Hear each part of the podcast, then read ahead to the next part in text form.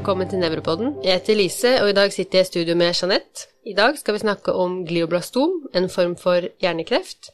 Og med oss eh, har vi Petter Brandal, overlege i onkologi, som jobber på Oslo universitetssykehus, Radiumhospitalet. Velkommen til deg. Tusen takk. Kan ikke du bare fortelle hva ordet glioblastom betyr? Jo, jeg kan forsøke. Glioblastom er sammensatt av flere ord. Glio kommer fra glia. Eh, gliacellene er støtteceller til eh, de egentlige nervecellene i eh, hjernen. Og glio heter det fordi de cellene som er i glioblastomer, de ligner på gliaceller, som er disse støttecellene. Blast er noe som er umodent, og alt som slutter på om, er jo svulst. Ja, så det er en støttecellesvulst av umoden type. Ja, da vi det på plass. Ja.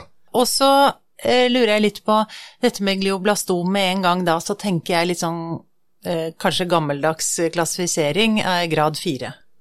Det er grad fire, ja. Det ja, eh, ikke sant, at du graderer sånn grad 1, 2, 3, 4, og at det er en eh, malign form for eh, svulst i hjernen, altså en ondartet svulst, eh, som vokser fort. Ja, det syns jeg er rimelig å si. Vi, vi graderer svulster i sentralnervesystemet i fire, som du sier. Grad 1 og 2 er lavgradig. Grad 3 og 4 er høygradig. Og glioblastom er alltid grad 4. Ja. Når kan man stille den diagnosen, da? Ja, eh, det er jo et uh, morsomt spørsmål. Jeg tror de fleste av oss vil tenke at den kan du stille når du har MR-bilder på en pasient, fordi MR utseendet til glioblastomer er ganske spesielt. Så er det også sånn at vi er veldig glad i å få en vevsprøve som viser at det faktisk er et glioblastom. Så har du et MR-bilde som er typisk, og så har du gjort en operasjon, så får du en vevsprøve. Ja, da kan du stille diagnosen glioblastom. Eh, ja, da har du forklart litt på eh, hva ordet glioblastom betyr, men så har vi også dette begrepet glioblastoma multiforme. Hva betyr det? Multiforme som kan arte seg på veldig mange forskjellige vis. Eh, og det refererer til at selv om du da har f.eks. et MR-bilde som er ganske typisk for glioblastom, så kan det også se veldig forskjellig ut. Og det kliniske forløpet til enkeltpasienter kan også være veldig forskjellig. Glioblastom, hvor vanlig er det? Er det mange i Norge som får det årlig? Det er ca. 220-230 pasienter per år som får det i Norge. Er det noen sårbare grupper, eller noen grupper som får det med enn andre, eller er det jevnt? Det er noen veldig få sårbare grupper med en kjent genetisk predisposisjon som kan få det, men de aller, aller fleste er sporadiske. Og så er det også sånn at det er litt overhyppighet hos menn sammenlignet med kvinner, uten at vi egentlig har noen god forklaring på det. Hvilken aldersgruppe oppstår det i, da? Lavgradige diffuse gliomer, som er søstersvulstander, de mer snille søstersvulstandene til glioblastom, de oppstår eh, gjerne hos yngre voksne og har vel en median alder rett over 40 år. Mens glioblastom, eh, i store kliniske studier, eh, så ligger man på ca. 60 år median alder. Og da har du allerede ekskludert de eldste, så dette er en sykdom man får når man er 60 pluss. Okay. Hvis man har vært utsatt for mye mm, stråling som yngre, eller tatt mye CT-bilder som yngre f.eks., er det økt risiko for å få det da? Jeg vil si det sånn at for den enkelte personen som har tatt eh, mange bilder, så er det relativt liten sannsynlighet. Men eh, sett fra et samfunnsperspektiv så vil det være slik at eh, det å bli utsatt for stråling, altså bruker du mer stråling enn du egentlig trenger, så vil det øke hyppigheten av også glioblastom. Er dette svulster som vokser lenge før eh, pasienten får symptomer eh, fra dem? Det vet vi jo egentlig ikke, men vi føler oss ganske trygge på at glioblastomer, som veldig ofte er aggressive og raskt voksende svulster, ikke vokser lenge før pasienten får symptomer.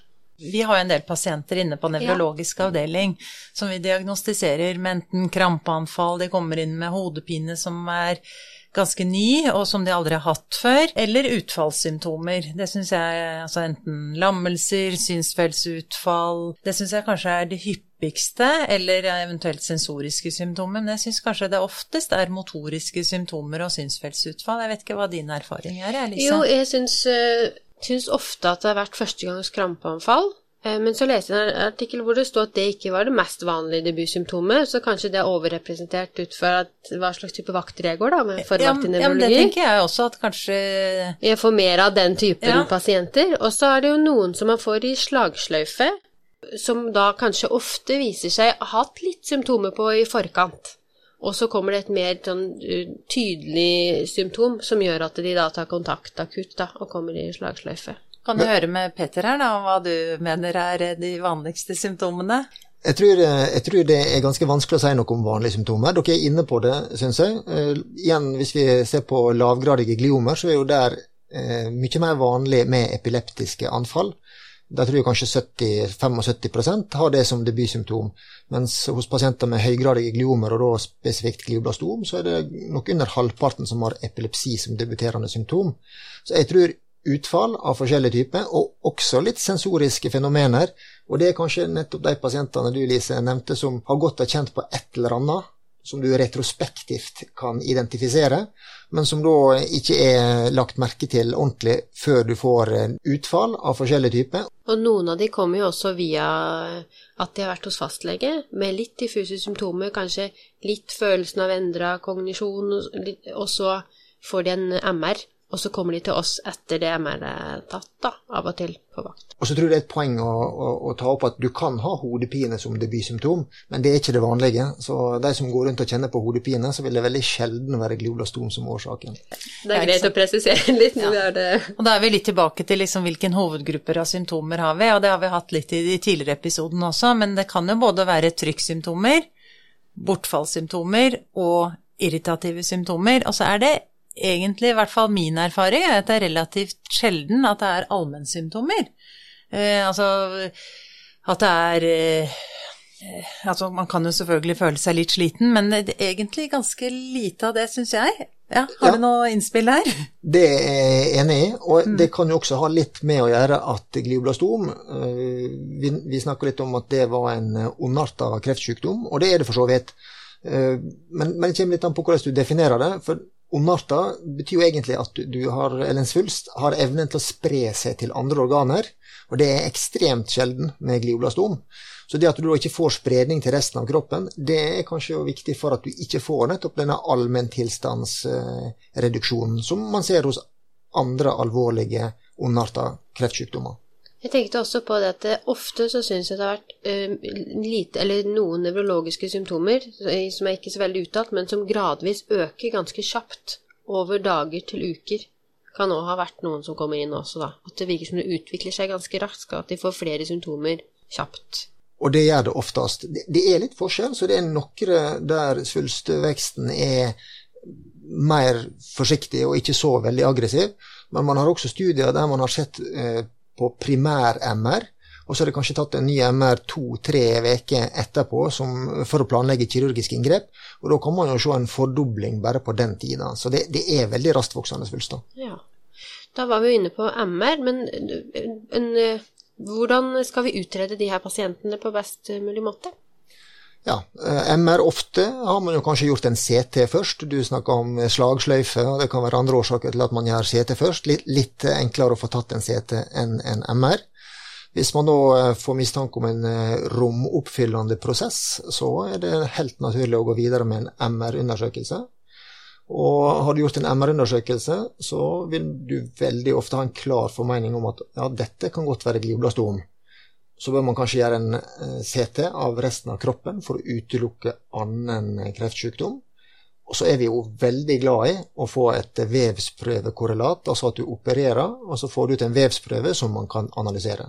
Og det får man oftest i forbindelse med når man skal operere svulsten, eller tar man ofte en prøve liksom først? Eller for kreftsykdommer eh, generelt, så er det jo ofte slik at du først tar en biopsi, og så stiller man en diagnose, og så går man videre med, med behandling både kirurgi og annet. Her er det annerledes. Det, det, kan være sånn også for pasienter med glioblastom, men det helt klart vanligste det er at du går inn, og så gjør du en eh, resektiv kirurgi. Du fjerner altså mest mulig av svulsten, samtidig som du sikrer vev som du kan sende til patologen for å få analyse og en mest mulig presis diagnose. På MR, hvor er det veldig typiske bildefunn eh, som man ser? Eller kan det variere? Det kan variere.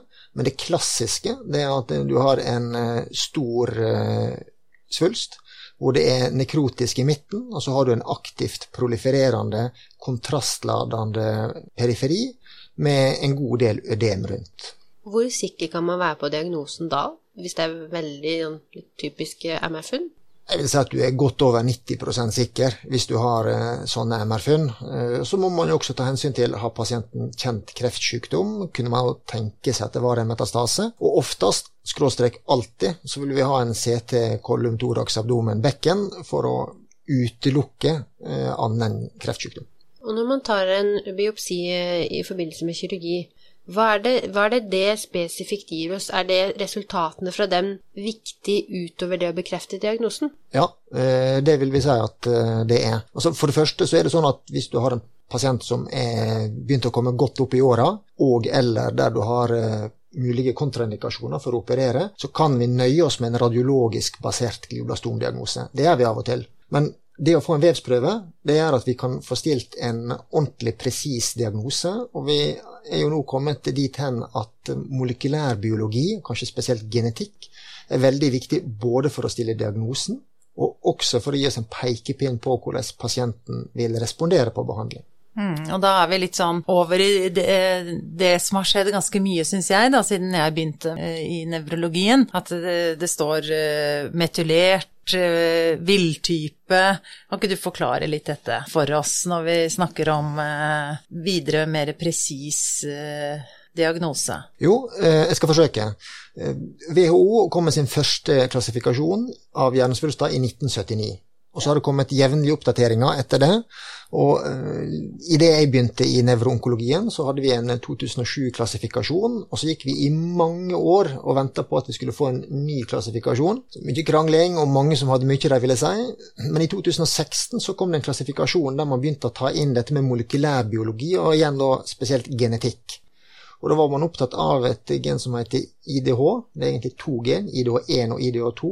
Det er to gen som er involvert i metabolisme, bl.a. Og det viser seg at de, det å ha en mutasjon i ett av disse to genene, det er veldig gunstig prognostisk, og gir også indikasjon på at du har bedre effekt av den behandlinga som vi tilbyr. Eh, så i 2016 så kom det inn litt om dette i, i, klassifikasjonen, og i den klassifikasjonen som WHO publiserte i november 21, så er det nå faktisk blitt obligat at hvis du skal ha glioblastomdiagnosen, så må det være IDH villtype, dvs. Si at du ikke har mutasjon i et av de to IDH-genene. Ja, nettopp, for ellers så har du bedre prognose. Da har du bedre prognose, og da har man, eh, da har man også gjort det slik at hvis du skal ha et eh, diffust gliom grad 2 eller 3, så er du nødt til å ha IDH-mutasjon. Så de som før ble kalt IDH villtype, grad 2 eller grad 3 astrocytom, de er nå per definisjon glioblastom. Hadde disse gruppene også dårlige prognoser, da de som hadde den villtypen? Det er helt riktig. Så det, det, du kan si man har gjort, man har tatt IDH-muterte glioblastomer og flytta over til astrocytom grad 2, 3 eller 4. Så da tok vi de som hadde best prognose av glioblastomer, og flytta ned. Og så tok vi IDH villtype grad 2 og 3 astrocytomer og flytta opp til glioblastom.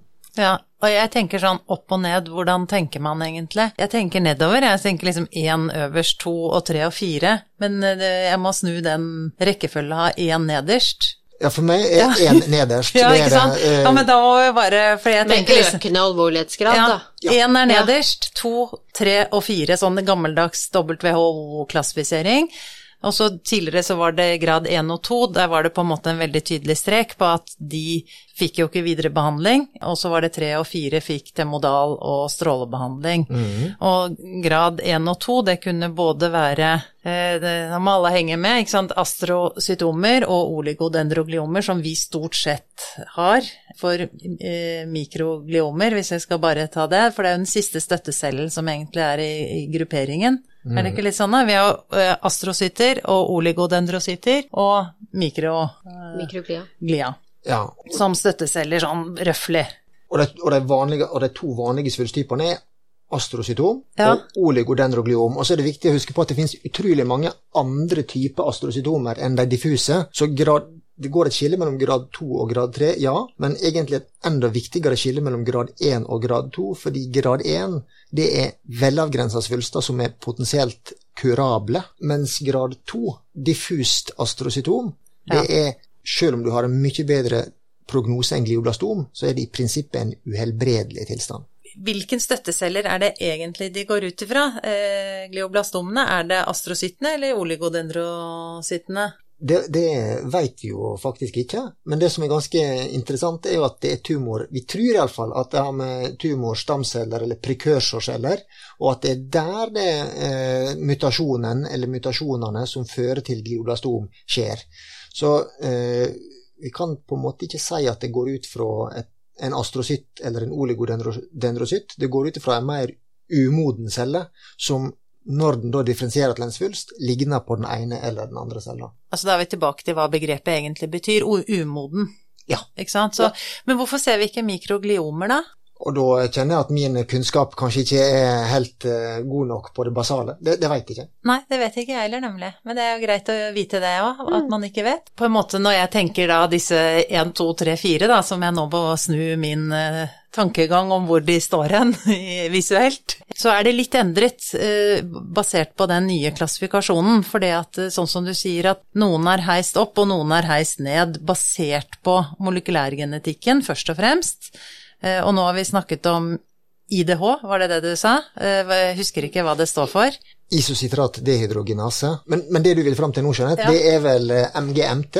Og, og det er et gen som ikke er viktig diagnostisk, men det er viktig prognostisk, og har faktisk blitt eh, terapiveiledende eh, per i dag. Hva er det for noe? Jo, det er et MGMT, det er et enzym, eller det er et gen som koder for et enzym, og det enzymet det motvirker temodal- eller temosolomid-effekten.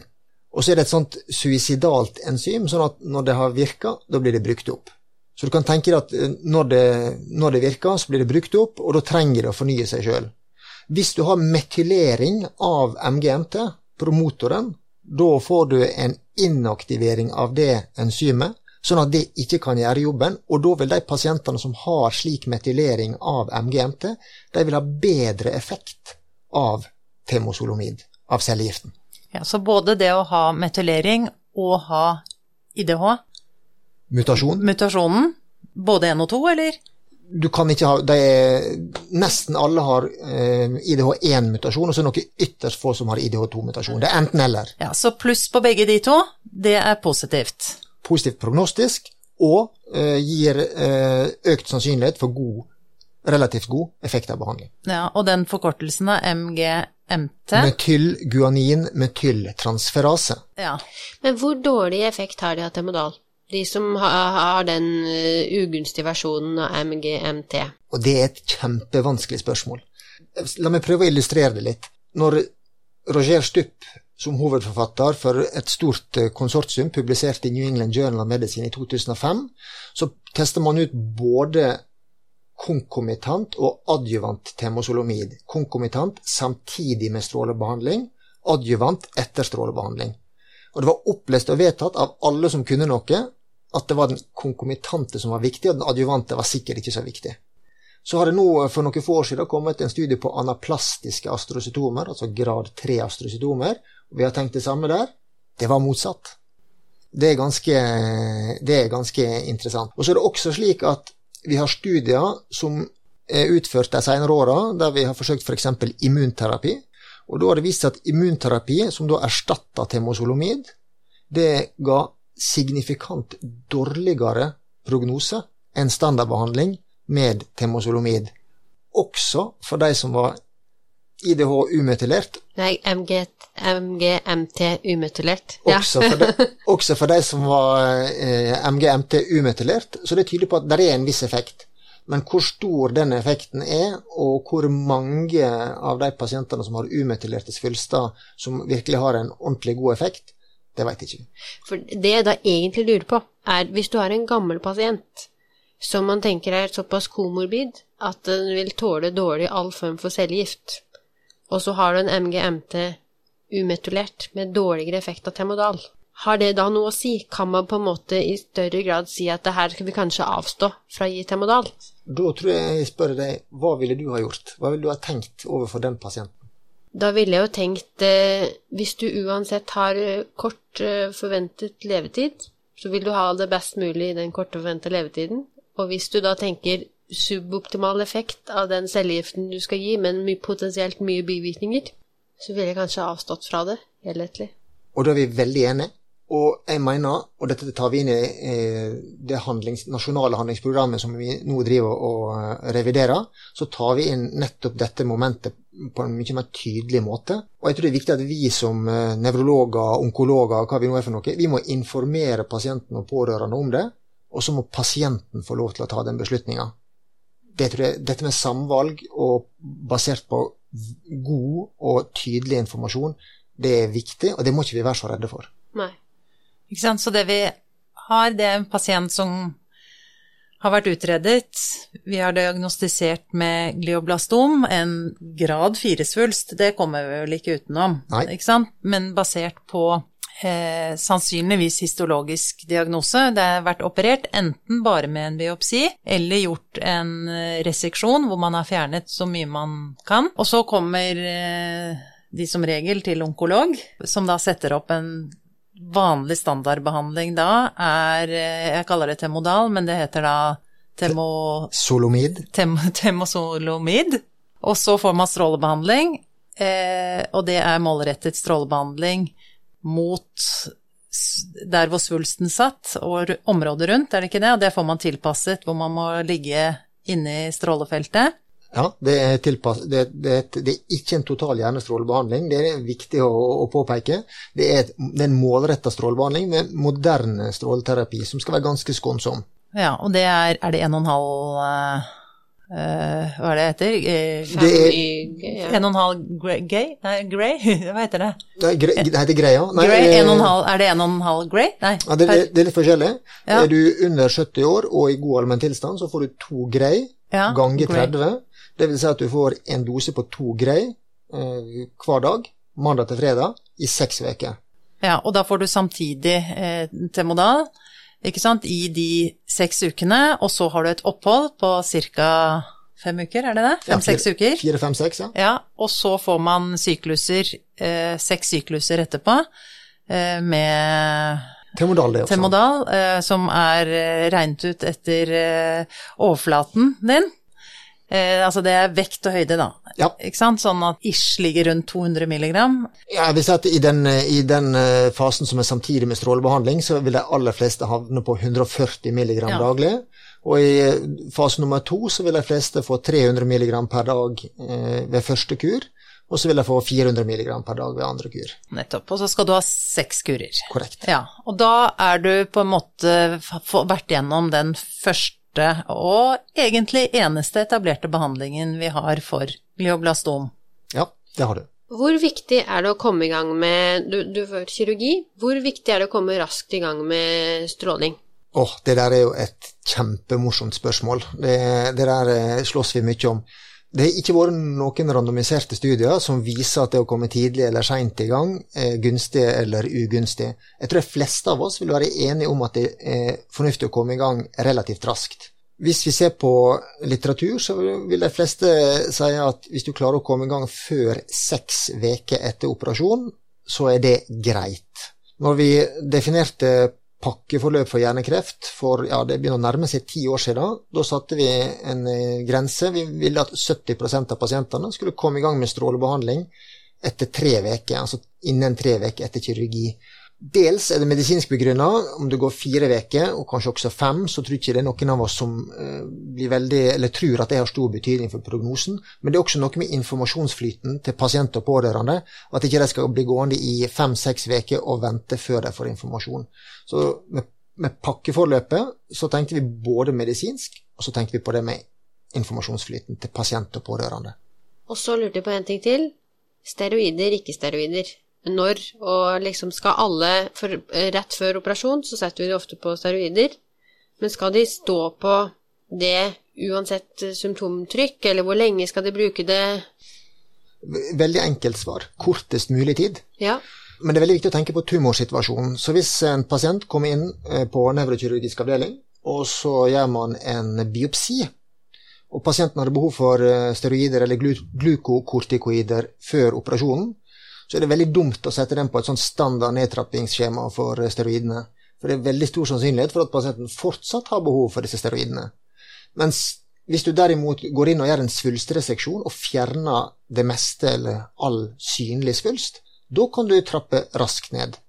For da er det veldig sannsynlig at du ikke trenger steroidene, og du vil jo helst ikke ha med unødvendige bivirkninger av dem heller. Er det noe ugunstig for selve prognosen å stå lenge på steroider, eller kun de andre bivirkningene som vi er vant til eh, ellers? Jeg tror jeg har lyst til å være kategorisk og si at det er ikke viktig. Og det er også sånn, vi, vi var inne på dette med livskvalitet og hvordan man har det den tida man har igjen.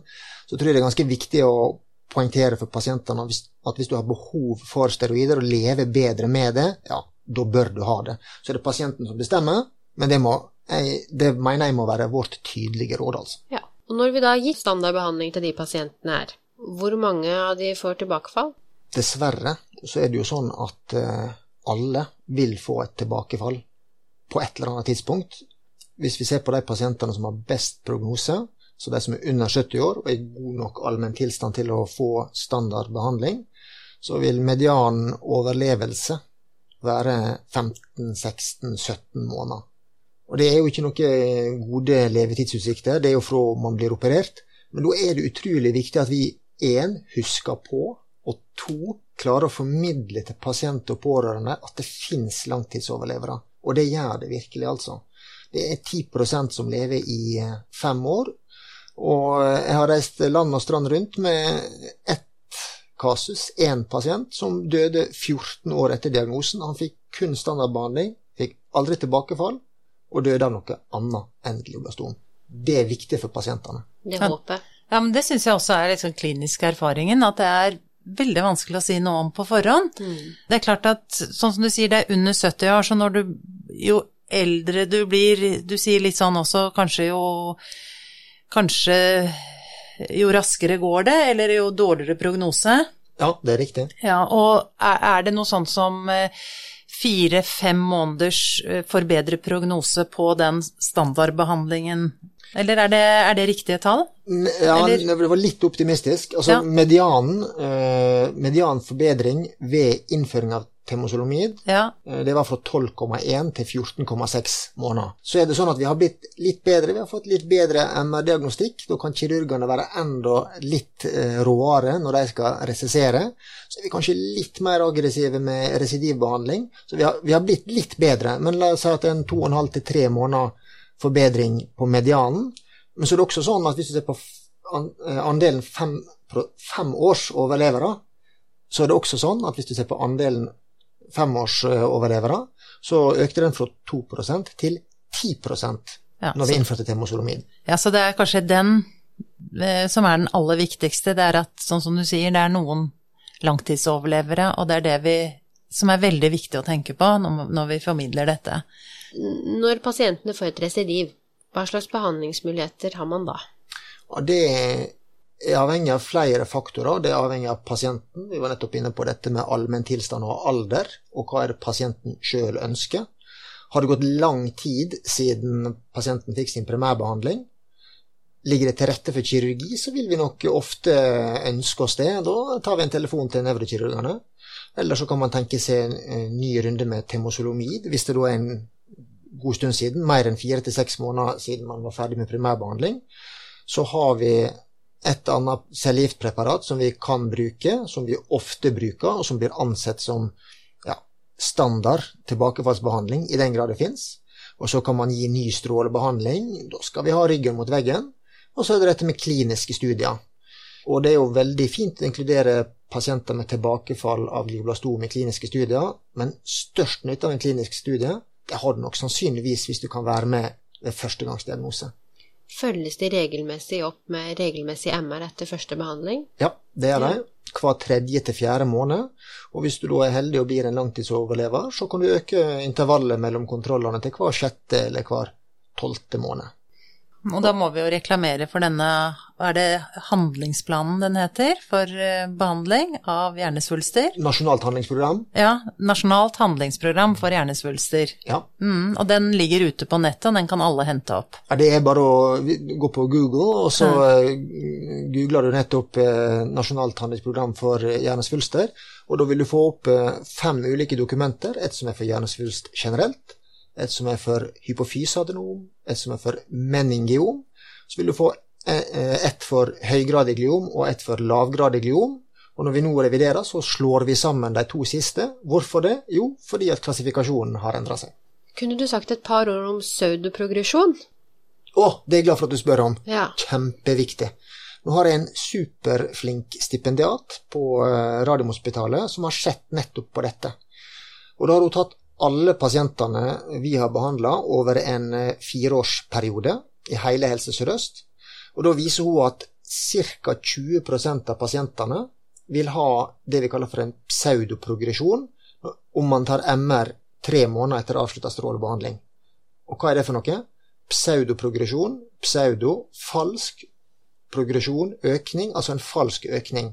Da har det kommet forandringer på MR som ser ut som tilbakefall av svulst, og som av og til er det, men så, som også da ofte kan være en falsk økning, det vi ofte kaller for stråleforandringer. Og hvis vi ser det enda litt mer detaljert på det, så er det sånn at av de som har forandringer på MR til tre måneder, så vil faktisk så mye som en tredjedel være falsk økning.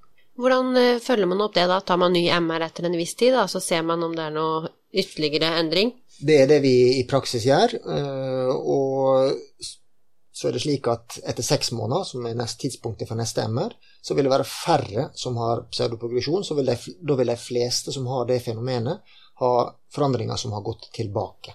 Da tør man å vente litt, da. At man setter opp til kontroll, også hvis klinikken tillater det, så Vi har sett på de data vi har, og det vises vi har hatt et veldig konservativt regime ved at vi fortsetter med temozolomidkurene. Og vi så det at prognostisk så taper man ingenting på å fortsette med dem sjøl om du skulle ha en progresjon. Det har jo da åpenbart noe å gjøre med at vi ikke har veldig god residivbehandling. Så i fremtiden bør vi jo prøve å skille dette bedre. Kanskje kan enkelte typer aminosyre-PET hjelpe oss. Foreløpig ikke mye bruk i Norge. Ja, Så man skal være litt forsiktig med å måte, overtolke det MR-svaret etter tre måneder? altså ha snakke med dere og ha is i magen? Ja, jeg tror det skal, ja, det skal fryktelig mye til for at vi tar bort temozolomidkurene. Og spesielt hvis du har en MGMT-metylert svulst, for de har bedre effekt av temozolomid, og de har oftere pseudoprogresjon. Men vi ønsker bare å høre, er det noe medikamentell behandling eller noe på gang innenfor dette feltet? Vi snakker om immunterapi, og da er jo immunterapi et veldig vidt begrep, så vi har jo testa ut i Eller vi var med på to store internasjonale studier med eh, en type immunterapi der det faktisk var signifikant dårligere prognose-resultat for pasientene som fikk immunterapi, enn de som fikk standardbehandling. Så finnes det andre typer immunterapi som blir testa ut. Og sier at vi per i dag har noe som er superlovende i horisonten, det tror jeg er vanskelig, altså. Da måtte det være at vi gikk ned til en diffuse gliomer grad 2 og 3 med IDH-mutasjon, for der tester man ut et nytt medikament, og der skal det komme data i løpet av våren som vi er veldig, veldig spent på. Ja, da må du komme tilbake. Gjerne. Tusen hjertelig takk for at du kom. Takk for meg.